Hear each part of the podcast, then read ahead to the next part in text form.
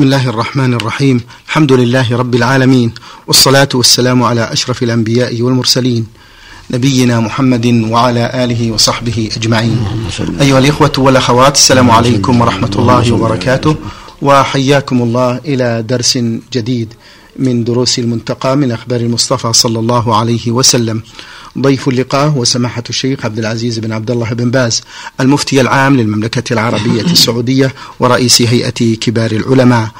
مع مطلع هذا اللقاء نرحب بسماحة الشيخ فأهلا ومرحبا سماحة الشيخ. حياكم الله وبارك فيكم. وقف بنا الحديث عند باب ما جاء في البول قائما. عن عائشة رضي الله عنها قالت من حدثكم أن رسول الله صلى الله عليه وسلم بال قائما فلا تصدقوه. ما كان يبول إلا جالسا رواه الخمسة إلا أبا داود. وقال الترمذي هو أحسن شيء في هذا الباب وأصح. وعن جابر قال نهى النبي صلى الله عليه وآله وسلم أن يبول الرجل قائما رواه ابن ماجه. وعن حذيفة أن النبي صلى الله عليه وآله وسلم انتهى إلى سباطة قوم فبال قائما. فتنحيت فقال أدنه. فدنوت حتى قمت عند عقبيه. فتوضأ ومسح على خفيه. رواه الجماعة. بسم الله الرحمن الرحيم. الحمد لله وصلى الله وسلم على رسول الله وعلى آله وأصحابه من اهتدى بهداه أما بعد فهذه الأحاديث الثلاثة تتعلق بالبول قائما. في حديث عائشة رضي الله عنها الدلالة على أنه كان يبول قائما يبول جالسا عليه الصلاة والسلام. ولا كان وما كان يبول قائما. وفي حديث حذيفة الدلالة على أنه قد يبول قائما في بعض الأحيان إذا دعت الحاجة إلى ذلك. وجعل بينهما أن عائشة إنما اطلعت على ما كان يفعل في بيته. وكان في بيته يبول جالسا لأن له ليس هناك حاجة إلى القيام. وقولها من حدثك بأنه كان بال قائما فصدقوه هذا من اجتهادها. والصواب أن من حدث بأنه بال قائما يقبل منه لأنه مثبت والمثبت مقدم على النافي. ولأن الرجال أعلم بأحوال النبي صلى الله عليه وسلم في خارج البيت أعلم بأحواله في السفر وفي خارج البيت. وحذيفة من أفضل الصحابة قد شهد على الرسول أنه بال قائما لما أتى سبعة قوم. فدل ذلك على أنه لا حرج في ذلك. والبول جالسا أفضل لكن إذا دعت الحاجة إلى ذلك إما لما جاء أو لأن المكان لا يناسب فيه الجلوس أو لعجلة أو لأسباب أخرى فلا بأس. ولعله صلى الله عليه وسلم بال قائما لما أتى السباطة لأن السباطة قد ينحدر عليه البول لو جلس أو لأسباب أخرى دعت إلى بوله قائما فلا حرج فلا حرج في ذلك. والنبي صلى الله عليه وسلم هو المبلغ عن الله. وجاء بين الحديثين أن الجلوس أفضل لأنه كان هو المستعمل في بيته صلى الله عليه وسلم. والبول قائما لا حرج فيه إذا دعت الحاجة إلى ذلك. أما حديث جابر أن الرسول نهى عن البول قائما هو حديث ضعيف. لا يصح عن النبي صلى الله عليه وسلم لأن في إسناده من لا يحتج به. نعم. أحسن الله إليكم. باب النهي عن الاستجمار بدون الثلاثة.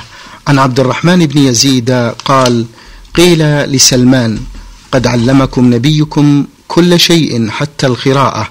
فقال سلمان أجل نهانا أن نستقبل القبلة بغائط أو بول أو أن نستنجي باليمين وأن يستنجي أحدنا بأقل من ثلاثة أحجار وأن يستنجي برجيع أو بعظم رواه مسلم وأبو داود والترمذي. وعن جابر أن النبي صلى الله عليه وآله وسلم قال إذا استجمر أحدكم فليستجمر ثلاثا رواه أحمد. وعن أبي هريرة عن النبي صلى الله عليه وآله وسلم قال من استجمر فليوتر من فعل فقد أحسن ومن لا فلا حرج رواه أحمد وأبو داود وابن ماجه. هذه الأحاديث تدل على أن الاستجمار يجب أن لا ينقص عن ثلاثة أحجار لحديث سلمان وما جاء في معناه من حديث عائشة وغيرها.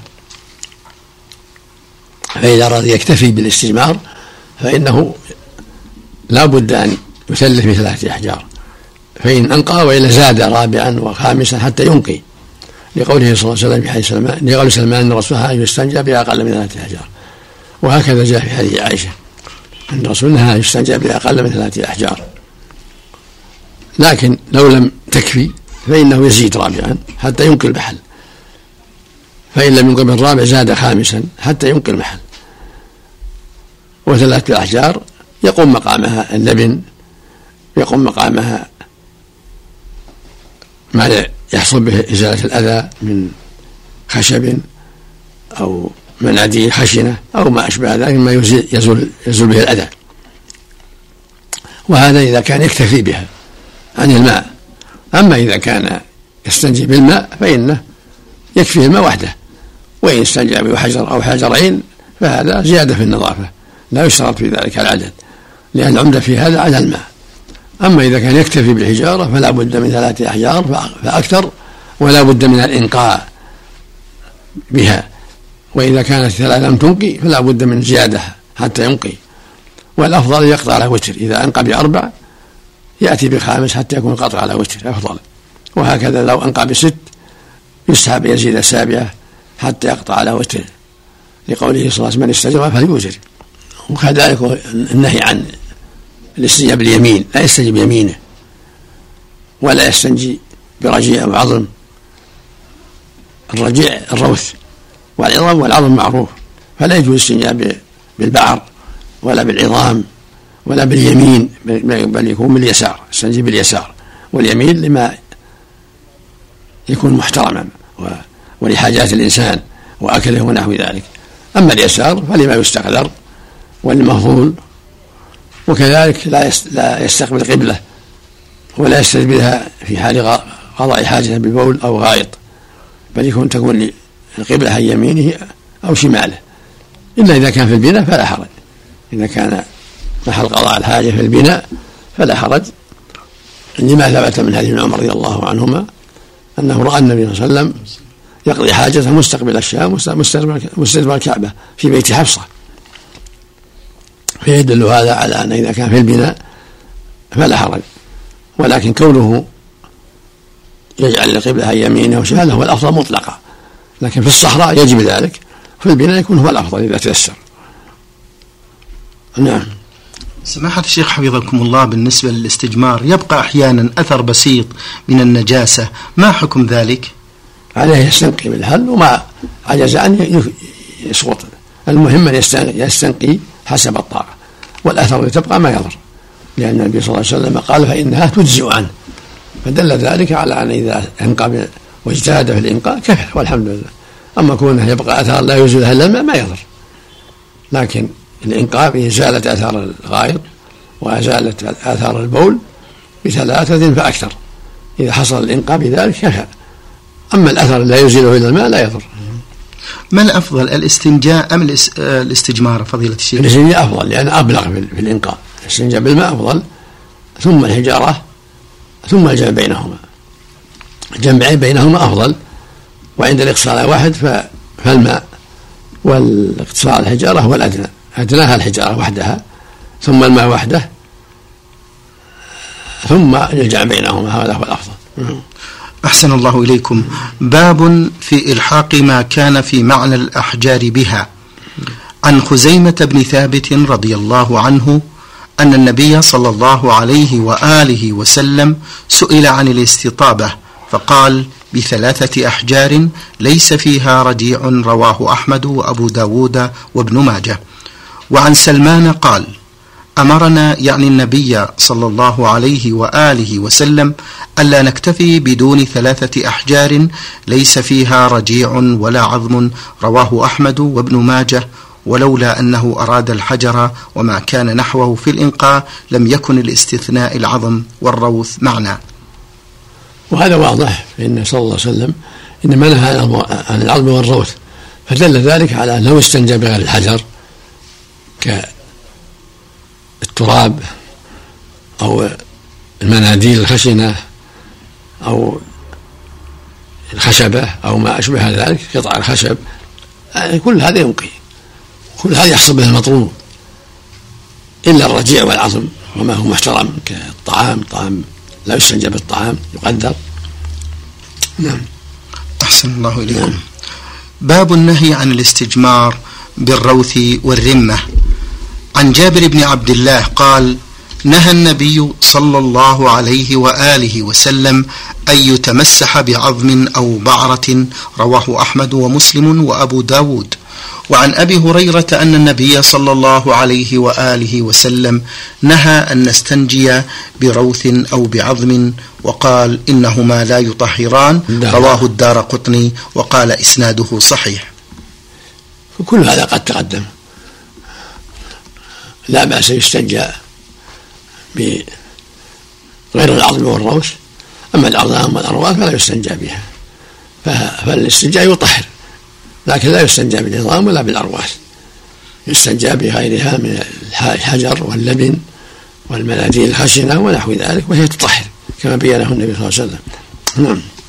ما هي الرمة سماحة الشيخ؟ الرمة العظم وهل العظام طعام للجن وكيف يكون ذلك؟ جاء في بعض الأحاديث أنها زاد باخواننا من الجن كل بعض يكون علفا لدوابهم والعظام تكون أوفر ما كان لحما لهم طعام لهم كل شيء ذكر اسم الله عليه من العظام يكون أوفر ما كان لحما لهم والابعار تكون علفا لدوابهم يجعل الله فيها قوتها نعم سماحة الشيخ حفظكم الله النهي عن الاستجمار بالعظم هل لكونه طعام للجن أم لأنه نعمة؟ لا لكونه طعام إخواننا من الجن كما صرح به النبي حديث مسعود قال إنه ما زاد إخوانكم من الجن. أحسن الله إليكم. باب النهي أن يستنجى بمطعوم وما له حرمة. عن ابن مسعود أن النبي صلى الله عليه وآله وسلم قال أتاعي أتاني داعي الجن فذهبت معه فقرأت عليهم القرآن. قال فانطلق بنا فأرانا آثارهم وآثار نيرانهم. وسألوه الزاد فقال لكم كل عظم ذكر اسم الله عليه يقع في أيديكم أوفر ما يكون لحما وكل بعرة وكل بعرة علف لدوابكم. فقال رسول الله صلى الله عليه وآله وسلم فلا تستنجوا بهما فإنهما طعام إخوانكم. رواه أحمد ومسلم. وأن الروث والرمة الروث يكون علفا لدوابهم والرمة يعين الله إليها اللحم تكون أوفر ما كان لحما لهم يستفيدون من ذلك. فدل على أن ما كان طعاما لا يستنجاب ما كان طعام الجن لا يستنجاب فطعامنا من باب أولى كالخبز واللحم ونحو ذلك لا يستنجاب نعم. ما كان ما دام طعام الجن يمنع فطعامنا أولى وأولى نعم. كثر تلبس الجن بالإنس ما أسباب سماحة الشيخ؟ وكيف نرد على من ينكر ذلك؟ لعل من أسبابه قلة تحفظ المسلمين بالتعوذات الشرعية والأوراد الشرعية لعل هذا من أسبابه. ومن أسبابه كثرة الفساق من الجن كثرة الفساق يعني كل ما طال الزمن زاد فسق الناس وشرهم. بدأ الإسلام غريبا وسيعود غريبا كما بدأ. كما هو غريب بالنسبة إلينا غريب بالنسبة إلى الجن أيضا. فلعل غربة الإسلام قلة الإيمان من الفريقين سبب الجن على الإنس بالتلبس بهم وإيذائهم وبعض ما بعض الأحيان قد يكون بسبب إيذاء الإنس للجن قد يكون إيذاء له أن أذى بصب شيء عليه من الماء أو شيء من الحجارة ولا يسمي أو ما أشبه ذلك مما ذكره بعض أهل العلم نعم. أحسن الله إليكم سماحة الشيخ هناك سؤال يطرح وهو ما العاصم من شياطين الإنس والجن وهل من كلمة توجيهية في ذلك؟ شياطين الجن يعصم منهم التعوذ بالله. التعوذ بالله التعوذ بكلمات الله. التامات من شر ما خلق.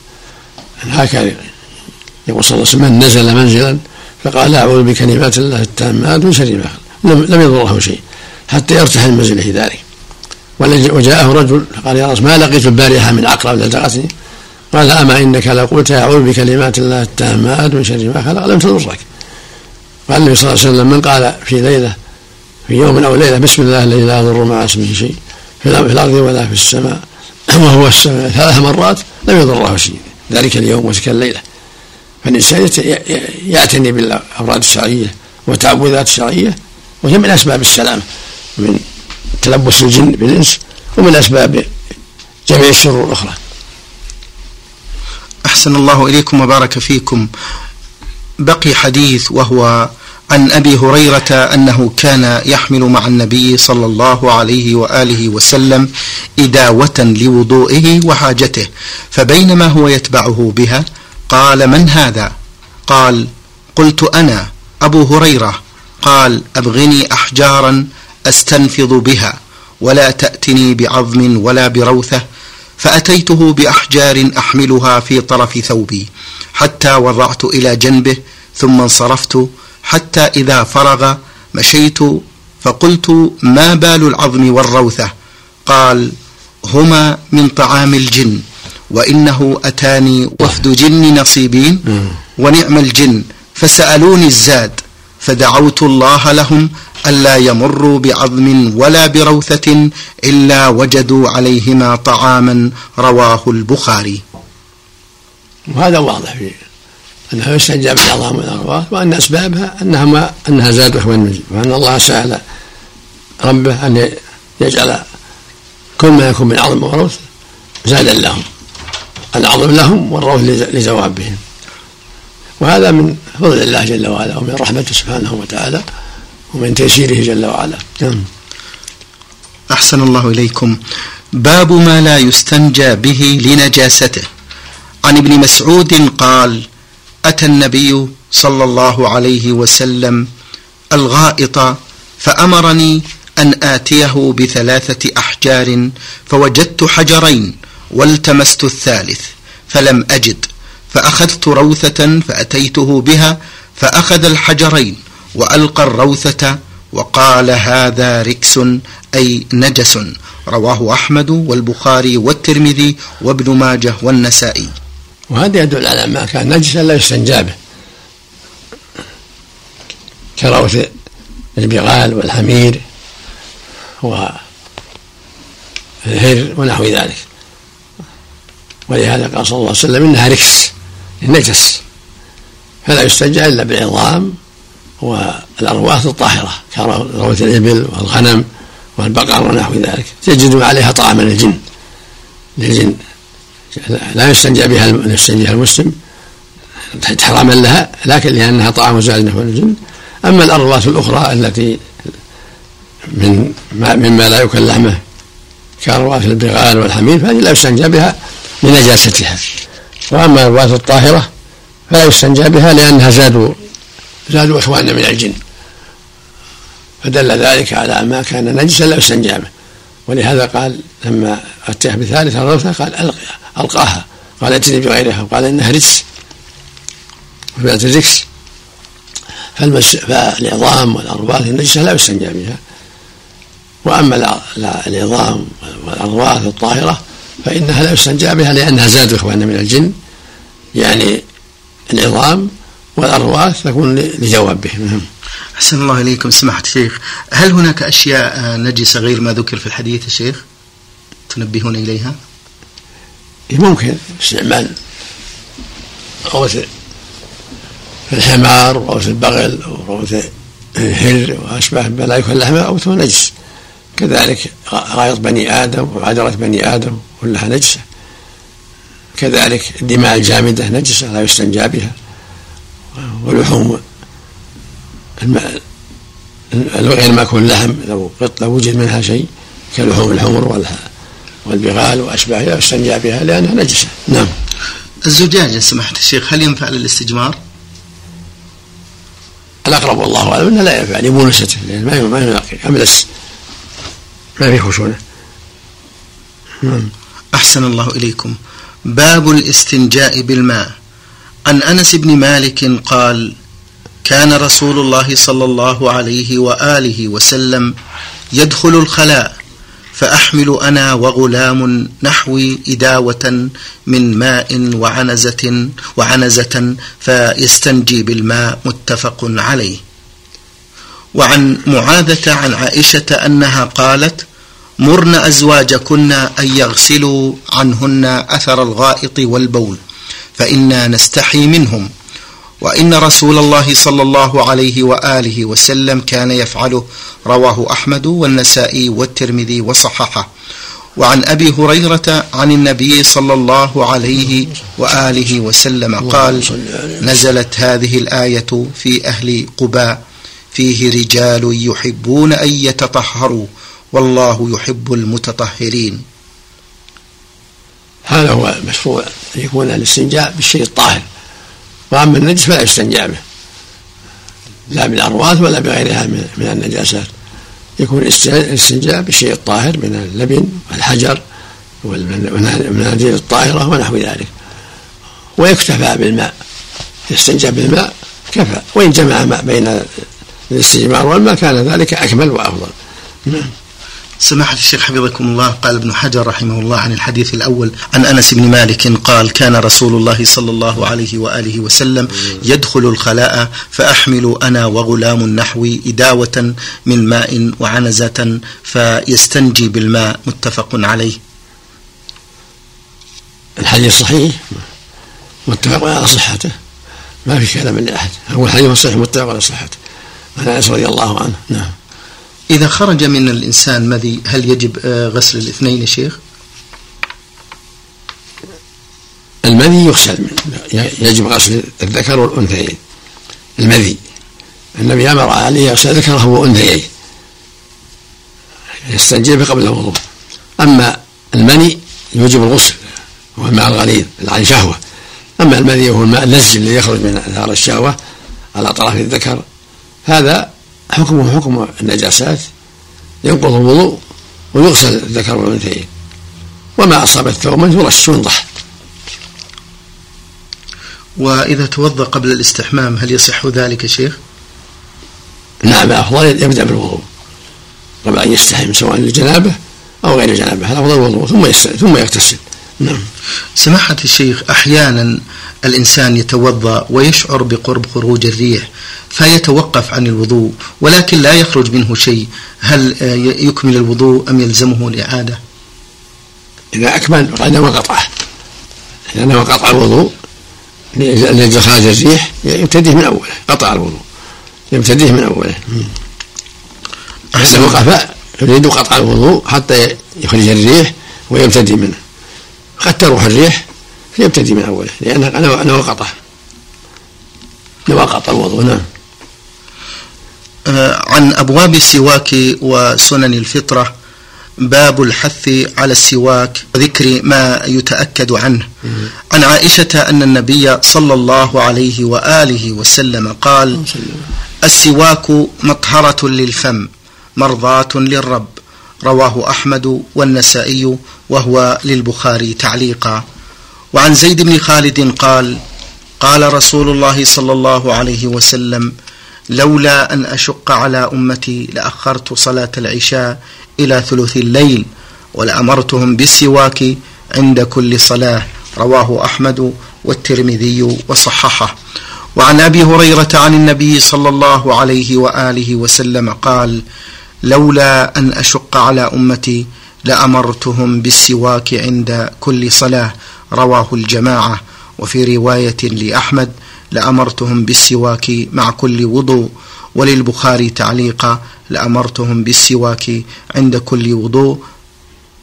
وعن جابر وزيد بن خالد عن النبي صلى الله عليه وآله وسلم وعن المقدام بن شريح بن هانئ عن أبيه قال قلت لعائشة رضي الله عنها بأي شيء كان يبدأ النبي صلى الله عليه وسلم إذا دخل بيته؟ قالت بالسواك. رواه الجماعة إلا البخاري والترمذي. وعن حذيفة رضي الله عنه قال كان رسول الله صلى الله عليه وآله وسلم إذا قام من الليل يشوص فاه بالسواك. رواه الجماعة إلا الترمذي. والشوص الدلك. وللنساء عن حذيفة قال كنا نؤمر بالسواك إذا قمنا من الليل. وعن عائشة رضي الله عنها أن النبي صلى الله عليه وآله وسلم كان لا يرقد ليلا ولا نهارا فيستيقظ إلا تسوك. رواه أحمد وأبو داود. هذه الأحاديث فيها دليل على شرعية السواك. والسواك سنة وقربة وهو الأسنان بعود الأراك ونحوه لتنظيفها وتنشيط المستاك وكان صلى الله عليه وسلم يستاك عند بعد الصلاة وعند دخول المنزل كما في حديث عائشة وعند الصلاة كما بعد الصلاة كما في حديث حذيفة وغيره وكان يستعمله كثيرا حتى في خارج الصلاة. ولهذا قالت رضي الله عنها إنها سمعت النبي يقول السواك مطهرة للفم ومطهرة للرب. هذا يدل على مستحب دائما. وربما كان يستعمله في المجلس جالس مع أصحابه. فالسواك سنة. عند دخول المنزل وعند دخول الدخول في الصلاة وعند الوضوء. كان يستاك مع كل وضوء. وفي, وفي جميع الأحوال. وعند تغير الفم كل هذا يستحب فيه السواك ويتأكد. نعم. شكر الله لكم سماحة الشيخ وبارك الله فيكم وفي علمكم ونفع بكم الإسلام والمسلمين. أيها الإخوة والأخوات كان معنا في برنامج شرح كتاب المنتقى سماحة الشيخ عبد العزيز بن عبد الله بن باز المفتي العام للمملكة العربية السعودية ورئيس هيئة كبار العلماء. شكر الله لسماحة الشيخ على ما بين لنا وفي الختام تقبلوا تحيات الزملاء من الإذاعة الخارجية فهد العثمان ومن هندسة الصوت سعد عبد العزيز خميس والسلام عليكم ورحمة الله وبركاته.